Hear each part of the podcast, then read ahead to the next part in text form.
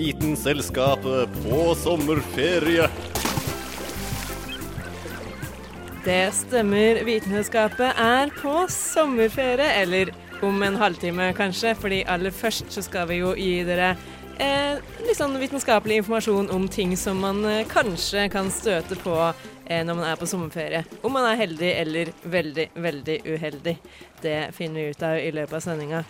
Eh, vi kan jo kanskje presentere oss selv. Eh, mitt navn er Kristin Grydland. Jeg heter Hanne Grydland. Jeg heter Dag Løvold Magnussen. Aloha, jeg heter Karl Adams Kvam.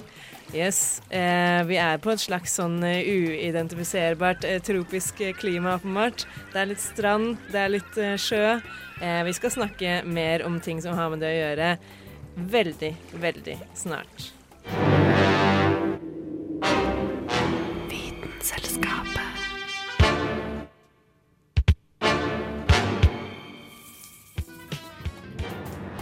Jepp, det skal vi. Eh, vi, jo, vi er jo så heldige å være rett ved sjøen akkurat nå. Vi har tatt oss en liten dukkert. Og eh, vi klarte å overleve det, heldigvis. Ja, det, heldigvis så slapp vi unna farene i havet denne gang. Det er deilig å sitte med føttene i sjøen. Ja, vi må passe oss litt, fordi eh, det er jo noen ting i havet som eh, faktisk kan drepe deg. Og jeg snakker ikke om haier, som nesten alle tenker på, eller tenker i hvert fall jeg på når jeg bader i sjøen. Uansett hvor det er, egentlig. I Norge og overalt. Eh, fordi jeg er kanskje litt grann feil. Men det her er jo faktisk noe som man må frykte, fordi eh, det jeg skal snakke om nå, er et dyr som er det giftigste dyret i verden. Eh, er det noen her som veit hva det giftigste dyret i verden er? Eh, slange. Edderkopp. Nei. Edderkopp, kanskje? Nei, det er, det er sånn derre Er det, er det, er det duckbill platypus? Nebbdyr, mener du? Ja. Eh, det er ikke nebbdyr, eh, selv om den har vel eh, giftkjertler den også, faktisk. Eh, det er en manet, og det er ikke hvilken som helst manet. Den heter Chironex flekkeri. Eller flekkeri, eller flekkeri, jeg vet ikke helt. Eh, eller enda bedre navn, sjøveps. Og det høres jo kanskje litt sånn ufarlig ut, fordi et vepsestikk det gjør vondt, men det er, det er ikke så ille, du overlever. Men én Chironex flekkeri, eller sjøveps, kan drepe 60 voksne eh, personer. Hæ? Yes. Eh, og det er kanskje ikke så veldig godt kjent, men det er jo ikke en så veldig stor manet heller. Eh, den er den største blant eh, kubemanetene, som vil si at den blir på ca. størrelse med en basketball på den største. Eh, men den er ikke så nødvendigvis så lett å se heller, fordi den er liksom gjennomsiktig og blålig. Så den går på en måte i ett med havet rundt, da. Eh, og det som er med denne maneten, er at når den svømmer rundt og på en måte bare svømmer og ikke har noen ting å gjøre, så har den trukket opp tentaklene helt eh, til de bare er sånn 15 cm tett i tett. Og så, når den er ute på jakt, så slipper den tentaklene ut. De sprer seg utover. De er tre meter lange. Eh, og hvis du blir berørt av en sånn tentakel, da gjør det vondt. Da gjør det så sinnssykt vondt. Og den gifta eh, virker så raskt. Og det er et veldig stort problem, for hvis du hadde vært på land, så ja, det hadde vært på en måte kjipt det òg. Men her er du jo ute i vannet. Du er ute i vannet, du svømmer, du aner fred og ingen fare. Blir da liksom angrepet, eller angrepet ved et uhell, av denne maneten. Store, store smerter. Eh, setter seg liksom overalt. Og til slutt så går det inn på sentralnervesystemet ditt, og du bare Du synker ned i vannet og drukner. Øh, men vet du hvor vanlig eh, sjøveps er? De, de er jo ganske vanlige, men det er jo ikke så vanlig at mennesker dør av dem. Eh, det er vel siden de begynte å føre statistikk på slutten av 1880-tallet, så har det vært sånn 80 stykker som har eh, dødd, tror jeg. Som de veit om, da. Men det er ganske mange ulykker hvert eneste år. Eh, og selvfølgelig, det er jo ikke sånn at det på en måte er greit at noen dør, selv om det ikke er så mange av dem. Eh, Og så er det jo på en måte vanskelig å holde seg unna. Men det de også har funnet ut, er at disse manetene de er kanskje litt sånn redd for fargen rød. Eh, det er ikke helt på en måte bekrefta, men det, noen, noe forskning tyder på at de ikke er så glade i rødfarger. Så noen steder så har de satt opp sånne røde nett da, for å prøve å holde dem unna. Eh, og et annet fun fact med denne type manet, de har 24 øyne. Og kroppen deres, altså selve på en måte hodet, eh, hvis du ser på det i en riktig vinkel, ser det ut som en hodeskalle. Det, du skjønner at det ikke er et hyggelig dyr. Ja, da skjønner man at man bør eh, prøve å skygge banen hvis man eh, ser den. Men det virker jo ikke så lett da, hvis de kan skyte ut tre meter langt takt. de skyter, mot deg. ja, de skyter det på en måte ikke ut, de bare slipper det ut, slik at de, ja, liksom, det blir sånn, sånn brannmanet-tentakler. da. Men eh, nei, ikke så veldig hyggelige dyr. Heldigvis så skal vi snart snakke om litt hyggeligere dyr som man kan eh, støte på på sommerferie. Vitenselskapet. Vitenselskap. Vitenselskapet. Vitenselskapet. Vitenskapet. Jepp, for nå skal vi på en måte Nå har vi vært i sjøen og bada og alt det der, men eh, nå skal vi kanskje litt mer til reisen hit. Hvordan vi kom oss hit, og hva vi eventuelt måtte gjennomgå, eller hva, Karl? Ja. ja, det slo meg veldig når jeg var på flyplassen. Ble jeg veldig nervøs når alle dere tre stoppa opp for å kose på de fine hundene som var der. Typisk. Ja, typisk sånn eh, naive nordmenn, ikke sant. Men de er ikke bare der for eh, For oss så er de der for å hjelpe, faktisk. Fordi oss er good guys, ikke sant. Men de er ikke der bare for å kose meg. De er sniffebikkjer, da. Eh, sniffebikkjer kan jo lufte så mangt. Ikke bare ulovlig narkotika. Og eksplosiver. Penger. Blod. Åpenbart. Eh, de har vært og brukt til enda mer interessante ting. I USA så er det i flere fengsel blitt brukt bikkjer til å lufte etter mobiltelefoner. Her, De har- hvordan fungerer det? De har såpass sensitive også at de kan plukke opp eh, stoffer eller deler av elektronikk som gjør at de kan eh, markere og vise her er det en ulovlig telefon i det fengselet. Og da bryter de kontakten med omverdenen som de ikke skulle ha, de innsatte. da. Men det kan lukte elektronikk. Rett og slett. Jeg er ikke helt 100% sikker på akkurat hva deltallet det. Var ikke så greit å finne ut. Men eh, de kan lufte elektronikk. De kan også lufte elfenben, som blir brukt mot eh, smuglere. Ser ut fortsatt ikke så lett å lufte eldre, så er det så siden det er- ser ut som det gjør. Men eh, det går an å lufte elfenben òg. Det er ikke helt 100 sikkert at bikkjene er ufeilbare, da. Eh, noe statistikk fra Chicago viser at 44% av alle signalene som bikkjene som var brukt på en veistrekning i et søk etter narkotika 44 av eh, bikkjene markerte riktig. Eller 44% av signalene var riktige. Eh, Det betyr at flertallet var uriktig, da. Eh, Det betyr jo ikke at de ikke har noe god bruk for seg.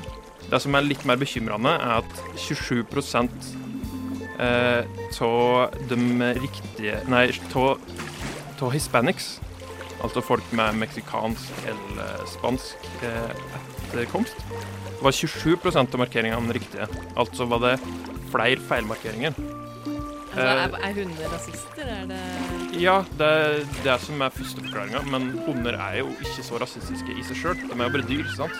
Men da kommer det inn det forholdet mellom, mellom eh, den som driver eh, og passer på bikkja, og bikkja sjøl. Fordi eh, det har veldig mye å si hvem det er som står og styrer bikkja. At hvis du har ubevisste eller bevisste fordommer mot, og bikkja merker deg veldig godt på det Bikkjer er veldig, veldig, veldig inne i menneskelig oppførsel. da. Ja, de er, de er selektert for det, nesten. Eh, så sånn sett så kan det være at eh, bikkjer ikke er sånn helt uta, utafor all, alle eh, all slags fordommer, da. De er fortsatt eh, feilbarlige. Det, altså man sier jo at eh, hunder og eiere ligner på hverandre, så hvis du er rasist, så blir hunden din også rasist, da, på en måte. Det kan nok hende. Men bikkjer, altså ikke uferbale, kan man gå litt mindre. Sniffehunder, det er interessant, men sniffebier Hadde dere noensinne tenkt over at de må glede Sniffebier. Jeg visste ikke at de hadde nese engang. Nei, jeg kan ikke se for meg helt hvordan du kontrollerer en sniffebie. Ja, nei, det er jo, du har ikke bare ei lita bie i bånd. Den surrer rundt og blir litt vanskeligere å styre på, tror jeg. Eh, Helland, da kan du logge en slags, eh, slags håndhelt eh, der bia sitter fast i en eh, liten boks. Eh, og så er bia opptrent sånn at det er klassisk pavlovisk kondisjonering, så den er vant til å assosiere lukt, f.eks. lukta av hasj eller heroin eller hva enn det skal være. Og når den lukter det, så stikker den ut tunga, fordi den har blitt trent opp til å ha en, en væske med sukker i seg framfor seg når den har lukta den lukta. Da kreves det ikke mer enn noen få ganger at den får den koblinga. Og da vil den kunne stikke ut tunga når den lukter det senere. Og da er det en infrarød sensor inni det lille, eller det håndhelte instrumentet som går av når bia da stikker ut tunga. Herregud, en slags sånn sammenblanding av dyr og elektronikk eh, som bare gir et Det er en slags biecyborg eh, på et vis. ja. Oi. Eh, og så tar det, det tar sånn ca. seks måneder å trene en ny eh, sniffehund. Mens ei bie kan det være gjort på sekund, tydeligvis. Oi. Men eh, bier lever jo litt kortere også, da, så eh, sånn sammenligna med hvor lenge en hund kan leve, så Det kan hende. Ja, men eh, det høres jo helt eh, merkelig ut med en kombinasjon av bie og eh, maskin. Men tydeligvis så kan det hende at det er det her som blir framtida på flyplassen en eller annen gang når vi reiser. En eller annen gang i framtida, da. Ja, det er ikke helt med en gang, men det kan hende det kommer en gang i framtida. Kult. Eh, nå skal vi høre litt grann om denne store ballen av uh, ild som lyser på himmelen her. Det er jo helt skyfritt her hvor vi sitter og nyter eh, den eh, fine sommerferietemperaturen. Eh, nå skal vi høre hva er det som skjer i sola som gjør at vi får disse varme strålene hit ned til vår lille klode. Essensen i det er at, at du starter med fire hydrogenkjerner og ender opp med en heliumkjerne, og så energi i tillegg. Når vi skal snakke om hva som skjer inni den enormt gigantiske sola, må vi paradoksalt nok ned på et fryktelig lite nivå. For som Øystein Elgarøy, professor i astrofysikk, sier, det handler om atomkjerner og hva sola gjør med disse. Den lager energi ved å ta lette atomkjerner, de aller letteste som fins, hydrogen, og smelte de sammen til tyngre kjerner, helium. Et hydrogenatom består av en positivt lada kjerne som vi kaller et proton. Tenk deg at du har en gigantisk mengde med klinkekuler som svirrer rundt omkring. At de plutselig skulle begynne å feste seg på hverandre i større klumper, virker ganske usannsynlig. Men hva om farta og temperaturen blir høy nok? F.eks. 15 millioner grader? De har jo positive elektriske ladninger, alle disse hydrogenkjernene. Og like elektriske ladninger, de frastøter hverandre. Så som oftest så vil to hydrogenkjerner bare støte hverandre vekk. Men hvis de beveger seg veldig fort, og det gjør de hvis temperaturen er veldig høy, så kan av og til to hydrogenkjerner ha nok fart til at de klarer å overvinne denne frastøtningen, og så smelter de sammen. Ja, når du først har fått to hydrogenkjerner til å slå seg sammen, så skjer det noen mellomreaksjoner etter det. Og så er det som du ender opp med til slutt, det er i essens at fire hydrogenkjerner har blitt til én heliumkjerne og eh, energi. Så det blir altså lagd energi når grunnstoffet hydrogen blir til helium. Men denne energien må jo komme fra et sted. Det som energien tas fra, det er massen. Altså hvis du regner sammen massene før og etter, så veier én heliumkjerne mindre enn fire hydrogenkjerner. Og det så den masseforskjellen der, den blir til energi. Så den blir, blir til energi, og da i henhold til E er lik MC i annen. OK. E er lik MC i annen. kanskje den mest kjente ligningen noensinne, den som alle kan. Og hvis du følger litt ekstra med nå, kan du lære hva den faktisk betyr. E står for energi. M står for masse. Og C det er lysfarten i tomt rom. Altså C i annen betyr at du skal gange lysfarten med seg selv. I en um, masse så finnes det, eller den svarer til, en viss energimengde. Så den sier at, eh, at eh, det ikke er vanntette skott mellom masse og energi. Gitt de riktige situasjonene og omstendighetene, så kan energi omdannes til masse, og masse omdannes til energi. Når hydrogenkjernene fusjonerer til helium, kastes det ut tre typer partikler som kalles nøytrinoer, positroner og fotoner. Nøytrinoene er veldig mystiske, for de kan nemlig gå gjennom alt. Mens du sitter her og hører på Vitenselskapet, strømmer det faktisk 30 milliarder nøytrinoer per kvadratcentimeter på kroppen din i sekundene. Og det spiller ingen rolle om det er overskya, eller om du sitter ute eller inne eller nede i kjelleren. Positroner er hva man kan kalle motstykket til elektroner. Elektronene er som kjent minus, og positronene er pluss, så det betyr at de nuller seg ut og lager enda flere fotoner. Og det er fotonene som er viktigst i vår sammenheng. Fotonene er uh, lyspartikler. altså Det er, de som, det, det er, det er partiklene i, i, som bygger opp elektromagnetiske bølger. Så det er fotoner fra sola som, uh, som treffer oss, og som gir oss energien. Det spørs vel kanskje om vi noen gang kommer til å skifte ut ordet solskinn med fotoner. Men vi kan i hvert fall sammenligne det med lyspærer. Hvert sekund treffes hver kvadratmeter på jorda av en energi som tilsvarer nesten 23 60 watts lyspærer. Men det er ikke det mest overraskende fakta om sollys du får lære i dag. Så når den strålingen er produsert i solas kjerne, så, så beveger den seg da ut mot overflaten til solen. Det tar en del tid, faktisk, fordi den blir den støter på hindre hele veien. Blir spredt rundt omkring på atomer og joner.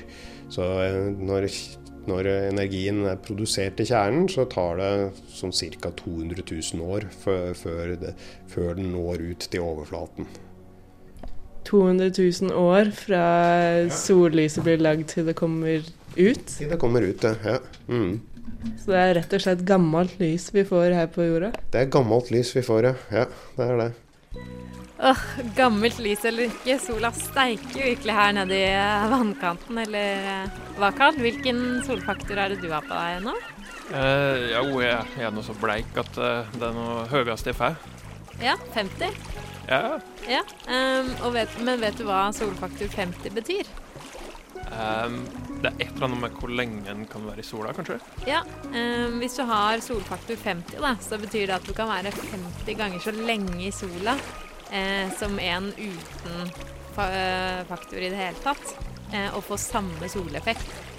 Så hvis det er solfaktor 15 f.eks., så kan du være 15 ganger så lenge i sola som om du ikke hadde hatt på deg solkrem. Men hvor lenge kan man være i sola hvis du Altså det er jo det man tar, man tar utgangspunkt i. Hvis man går ut fra at du bare kan være ett minutt ute i den sola hvis du ikke har noe beskyttelse. Ja, altså det er jo med tanke på soleffekt, da. Så om du blir solbrent etter fem minutter uten effekt, og du har på deg solfaktor 10, så er du jo like solbrent etter 50 minutter, da.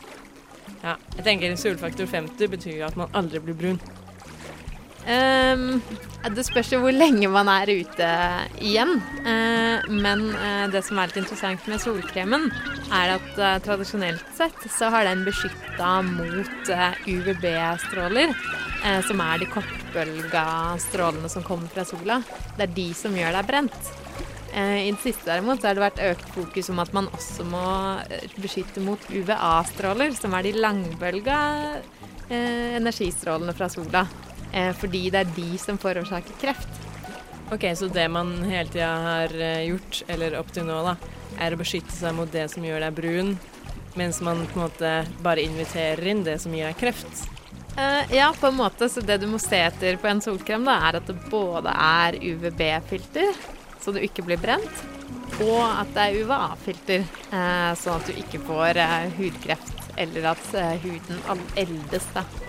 Eh, og det er to typer eh, av solkremer. Du har en som fungerer på en fysisk måte, og en som fungerer på en kjemisk måte. Og den som fungerer fysisk, eh, den legger seg som et fysisk lag utapå huden. Eh, og da vil den reflektere sollyset som kommer inn. Men den eh, solkremen som fungerer kjemisk, den trekker inn i huden.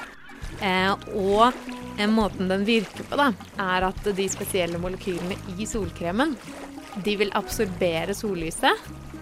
Eh, og så vil de gjøre om Altså de vil slippe ut energien de absorberer, da. Eh, som en energi med en la... Altså som et Hva skal jeg si Som stråler med en lavere energi. Sånn at når, eh, når solstrålene har lavere energi, så er de jo ikke like farlige. Ok, Så de gjør om de farlige strålene til mindre farlige stråler? Ja, det på kan du si. På en kjemisk måte? Ja, så ikke sant? Så du får eh, UV-stråling med høy energi inn. Det er de som gjør, deg, gjør at du får kreft eller at du blir brent. Og så gjør de om det til eh, UV-stråler med lavere energi. Kanskje ikke kaller det UV-stråler lenger, da, men da er det i hvert fall eh, blitt ufarliggjort. Um, men det du kan si da med solkremer i det hele tatt, siden de består av kjemiske komponenter, er jo at noen mener at det har bivirkninger. Hva slags bivirkninger da? Nei, eh, du deler det hovedsakelig inn i tre kategorier. da. Eh, enten så kan det være hormonforstyrrende, eller kjemikaliene kan komme i nanoform, som gjør litt sånn uvisse Kan ha litt sånn uheldige konsekvenser. Eh, eller det kan være sånn allergifremkallende stoffer, sånn som parfyme. Men de fleste liker jo at solkremen lukter kokosnøtt og sommer. Mm. Det er jo ingenting som lukten av solkrem. Det lukter jo skikkelig, skikkelig sommer. Ja, det lukter kjempegodt. Eh, mm, så jeg har, apropos lukter godt, jeg har med meg en, eh, en solkrem her. Eh, Garnier Ambré Soler. Dette er ikke produktreklame, men det er solfaktor 15. Jeg må beskytte meg. Eh, men når jeg ser bakpå her, så inneholder den jo litt miljøvennlig miljø Eller hva jeg skal si, litt skadelige stoffer, da. Blant annet så ser jeg i innholdslista at den inneholder etylparaben og metylparaben, som begge er konserveringsmidler. Som er dokumentert hormonforstyrrende. Ok, Så uansett hva du gjør, da, hvis du ikke har på deg solkrem, så dør du av kreft eller blir solbrent. Hvis du har det på, så endres hormonbalansen din. Det kan du si. Antageligvis. Jeg vil jo tro at siden dette er lovlig, så får du det i deg såpass små mengder eh, at det har en mindre skadelig konsekvens enn å bli solbrent. Ja. Men jeg føler kanskje eh, at vi fire nå skal bare sette og ta opp eh, parasollen. jeg. Jeg tror kanskje det er det beste. There's hydrogen and helium, then lithium, beryllium, boron, carbon everywhere, nitrogen all through the air with oxygen so you can breathe. Du hører på Vitenselskapet på Radio Nova. Magnesium, Aluminium, silicon, phosphorus, then sulfur, chlorine, then argon, potassium, and calcium so you'll grow strong. scandium. Titanium, vanadium, and chromium, and manganese. Det er eh, kanskje litt dårlig stil av oss å snakke såpass mye om eh, kreft eh, nå når vi helst bare vil være sommerlige og ikke tenke på noen eh, kjipe ting. Men eh, det er kanskje verdt å også tenke på at man kan få kreft av det som man kanskje spiser mest av nå i sommer. Liker du polysykliske aromatiske hydrokarboner og heterosykliske aromatiske aminer? Det sier det kanskje ikke så mye sånn umiddelbart, men nå skal du få høre hvorfor du skal bli livredd disse stoffene. Som du sikkert hører på navnene, er det her snakk om kjemiske stoffer. De er faktisk karsinogen, altså kreftfremkallende. Og hvor finner oss disse? I grillmat. Digge, saftige burgere og varme pysjer har altså kreftfremkallende stoffer etter de har blitt grilla. Kan oss gjøre noe med det? Litt, kanskje? For det første kan du slutte å ete grillmat hver dag. Helsedirektoratet anbefaler å ikke grille mer enn 30 ganger i året. Og det er da plenty når grillsesongen varer fra juni til august. Videre er det bra å grille ting over glør i stedet for flammer. Da er det mindre røyk å hanskes med. Sørg òg da for god lufttilførsel under grillinga. Så skal det gå fint. Karsinogen finnes overalt uten at du trenger å bekymre deg. Men vent. Bearbeida kjøtt er jo heller ikke noe stas, sier WHO. Det skal jo være ca. 17% større risiko for tarmkreft for kjøttetere. Pysje, skinke og bacon er ukult i denne konteksten. Det er karsinogener overalt, jo. Kanskje det ikke er så stor grunn til å bli tabloid og slå alarm. Det viser seg det at 17% er et relativt tall. Ja, prosessert mat står for 21% av tarmkreft, men kun 3% av all kreft. Røyking derimot står for 19% av all kreft. Ellers er det forholdsvis intuitivt og mye informasjon tilgjengelig for å få til et sunt kosthold og livsstil. Ikke bare et Grandis. Stump røyken. Gå en tur. Men ikke gå rundt og bekymre deg for alle andre mulige helsefarer. En kan bli hypokonder til mindre, si.